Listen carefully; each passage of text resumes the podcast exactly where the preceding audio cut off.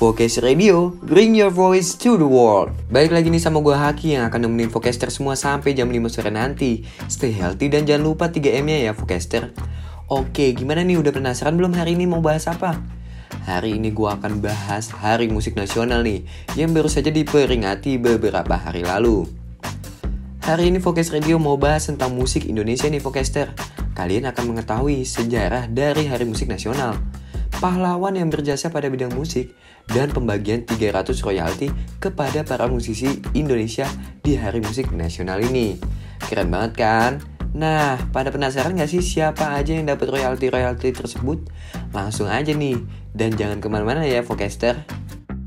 Oke, terima kasih Haki. Jadi kenalin, gue Bila. Dan kali ini gue mau bahas tentang peringatan Hari Musik Nasional yang diperingati setiap tahun pada tanggal 9 Maret. Peringatan ini ditetapkan dalam keputusan Presiden nomor 10 tahun 2013 dan disahkan oleh Presiden Susilo Bambang Yudhoyono. Tanggal 9 Maret dipilih sebagai salah satu bentuk penghormatan kepada pencipta lagu Indonesia Raya, W.R. Supratman yang lahir pada tanggal tersebut. W.R. Supratman ditetapkan sebagai pahlawan nasional karena dianggap berjasa besar bagi musik tanah air. Pemilihan tanggal Hari Musik Nasional sempat menuai perdebatan karena ada kebingungan soal tanggal lahir W.R. Supratman nih Vokester. Akan tetapi, hal itu tidak mencuat lagi karena ada yang lebih penting dari Hari Musik Nasional yaitu kesejahteraan musisi dan ekosistem yang sehat bagi industri musik di Indonesia. Nah, pada hari Senin 9 Maret 2020, Performers Rights Society of Indonesia mendistribusikan royalti tahunan kepada lebih dari 300 musisi dan penyanyi. Mereka yang menerima royalti di antaranya ada Raisa, Kotak, Iwan Fals, Geisha, Maudi Ayunda, dan lainnya yang tercatat sebagai anggota Prisindo. Nah, Prisindo itu merupakan sebuah lembaga manajemen kolektif atau LMK hak terkait suatu pertunjukan. Nah, untuk pembayaran dan pendistribusian royalti tersebut berdasarkan Undang-Undang Nomor 28 Tahun 2014 tentang Hak Cipta. Dalam undang-undang tersebut diatur dua jenis LMK untuk mengelola dan mendistribusikan royalti performing rights. Performing rights itu karya musik yang diperdengarkan untuk kepentingan komersial seperti tempat karaoke, restoran, dan lain-lain. Oke, sekian dari gue Bila.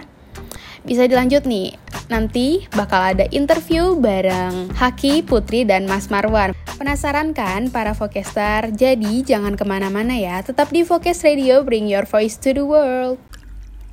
Duh, panas banget sih hari ini. Eh, ada Sprite.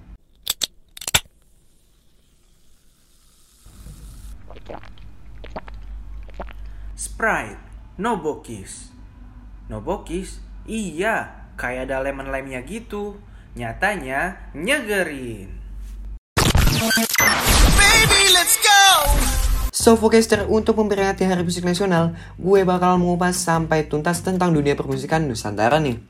Jadi hari ini Focaster bakalan dapat banyak banget insight baru Karena spesial di hari ini, gue bakal ngebahas abis-abisan tentang musik nasional Eits, tapi tunggu dulu, kayaknya kurang afdol ya kalau ngebahas tema ini sendirian Tenang, di sini udah ada Putri dan Mas Marwan guys Jadi nanti Putri bakal ngebawelin Mas Marwan nanyain ini itu Focaster harus dengerin ini sih, wajib Langsung aja nih, silakan Putri. Ye, dasar Loki kebiasaan. Oke Focaster, sekarang gantian ya. Gue yang bakalan nemenin Focaster semua soalnya Haki ngebosenin, ya kan?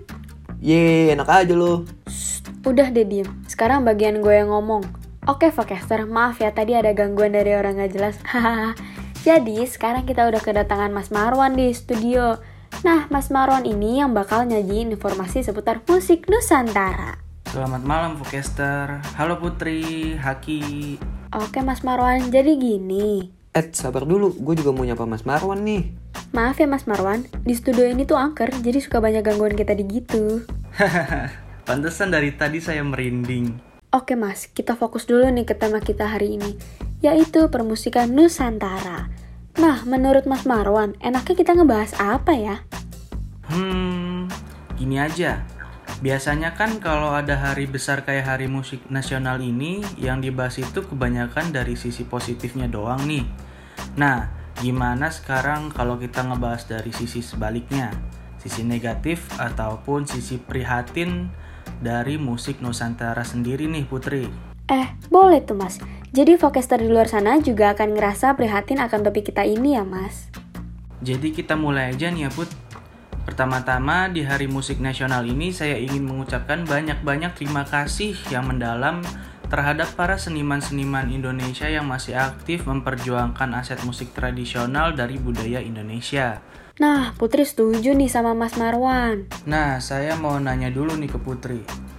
Um, kalau Putri dengar kata musik tradisional, apa sih yang ada di pikiran Putri? Hmm, apa ya? Oh, ini Mas, alat musiknya. Nah, betul banget tuh Put. Coba Putri sama Vokester kilas balik lagi deh. Seberapa tahu sih kalian tentang alat-alat musik tradisional yang ada di Indonesia? Hmm, mungkin kalau dipikir-pikir pasti banyak dari Vokester atau bahkan Putri sendiri yang udah kurang peduli dengan alat musik tradisional Indonesia. Betul gak? Hehehe, iya sih mas. Putri cuma tahu angklung, gendang, gamelan, hmm, apalagi ya? Udah mas itu aja yang Putri masih tahu. Nah, yang tadi disebutin sama Putri itu betul alat musik tradisional. Tapi Putri sama Vokester sadar gak sih kalau alat musik tradisional Indonesia itu sebagian besar terbuat dari tumbuh-tumbuhan? Nah, beberapa di antaranya ada tifa dari Papua, ada kecapi dari Sumbawa, ada gambang dari Jawa Tengah, celempung dari Jawa Barat, dan masih banyak lagi. Alat-alat musik Indonesia bukan hanya sebagai kekayaan budaya loh, tapi juga sebagai identitas bangsa Indonesia. Eh, iya juga ya mas. Kok bisa ya? Jadi gini Putri dan Vokester, pada zaman dulu itu manusia sangat bergantung dengan alam, termasuk dalam membuat pakaian dan menciptakan alat musik dari tumbuhan. Nah, jika keterampilan dalam menciptakan alat musik itu punah, maka saya rasa Indonesia akan kehilangan salah satu tradisi, budaya, dan kekayaan di setiap wilayah yang ada di Nusantara. Alat musik tradisional Indonesia juga terancam punah loh, Terancam punahnya juga karena ulah manusia yang sering merusak alam dan itu ternyata sangat berpengaruh. Hmm, Putri jadi ngerasa bersalah deh karena udah mengabaikan alat musik tradisional Indonesia, Mas. Makanya tugas kita dan Vokester semua itu adalah menjaga alat musik tradisional yang merupakan aset budaya berharga milik Indonesia. Cara yang dapat dilakukan untuk menjaga alat musik tradisional juga cukup mudah yaitu dengan melakukan pendokumentasian dan menjaga kelestarian alam. Oke deh Mas Marwan, makasih banget ya Mas udah ngingetin Putri dan Vokester agar ke depannya lebih menghargai alat musik tradisional Indonesia. Gimana nih Vokester setelah dengar ujangan dan pesan dari Mas Marwan tadi? Vokester harus lebih menghargai keberadaan alat musik tradisional Indonesia ya. Sore-sore gini hujan, kamu pasti bingung banget nih mau bawa kendaraan atau enggak. Pastinya bete kan ya nanti kendaraannya jadi kotor. Udah gitu harus nunggu mobil dicuci lagi. Nah kali ini gue ada rekomendasi buat Vokester. Langsung aja datang ke Gold Point Car Wash, dijamin kamu nggak bakal bete nunggu. Karena kamu bisa sambil kulineran. Pastinya makanannya juga enak-enak banget. Dan harganya terjangkau. Yuk langsung aja. Baby, let's go. Halo Vokester, balik lagi sama gue Haki di sini. Kalian pasti udah pada tahu kan kalau negara kita itu kaya akan kebudayaan mulai dari tarian, pakaian, sampai musik. Ngomong-ngomong soal musik, gue mau ngasih tahu nih beberapa alat musik tradisional khas Indonesia. Check it out. Indonesia merupakan negara yang kaya akan budaya. Salah satunya adalah keberagaman alat musik tradisional. Nah, salah satu bahan yang baik digunakan untuk membuat alat musik tradisional di Indonesia adalah bambu. Celempung contohnya. Celempung adalah alat musik khas Jawa Barat yang terbuat dari bambu dan dilengkapi dengan senar yang terbuat dari bambu juga. Cara memainkan alat ini adalah dengan dipukul menggunakan pemukul yang biasa disebut tarenteng. Selain celempung, terdapat juga alat musik lain yang terbuat dari bambu, seperti gamelan, rindik, saluan, dan voidoa. Tetapi sangat disayangkan, keberadaan alat musik tradisional ini sudah mulai dilupakan oleh masyarakat. Oleh karena itu, mari kita lestarikan kembali alat musik tradisional ini. Alat musik tradisional sebagian besar terbuat dari tumbuh-tumbuhan. Beberapa di antaranya yaitu tifa dari Papua, kecapi dari Sumbawa, gambang dari Jawa Tengah, celempung dari Jawa Barat, dan sebagainya. Alat musik Indonesia bukan hanya sebagai kekayaan budaya, tetapi identitas suatu bangsa. Pada zaman dahulu, manusia sangat bergantung dengan alam, termasuk menciptakan alat musik dari tumbuhan. Jika keterampilan dalam menciptakan alat itu punah, maka Indonesia akan kehilangan tradisi budaya dan kekayaan di setiap wilayah Nusantara. Alat musik tradisional juga terancam punah karena kerusakan alam yang sangat berpengaruh. Maka dari itu, cara kita untuk menjaga alat musik tradisional adalah dengan cara melakukan pendokumentasian dan menjaga kelestarian alam.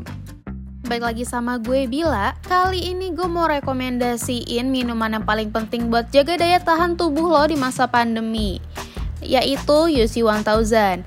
Vitamin C-nya mampu memperkuat daya tahan tubuh, mempercepat proses penyembuhan sariawan, menjaga dan mempercantik kulit, mengurangi efek rokok dan polusi udara pada tubuh, dan meningkatkan stamina bagi tubuh. UC 1000 bantu harimu untuk lebih produktif. Perbedaan yang kita lestarikan lama-kelamaan akan pudar juga. Masih ada kesempatan untuk mengharumkan namanya lagi. Sebagai warga Indonesia, mari bersama-sama kita tingkatkan rasa nasionalisme terhadap budaya yang telah ada.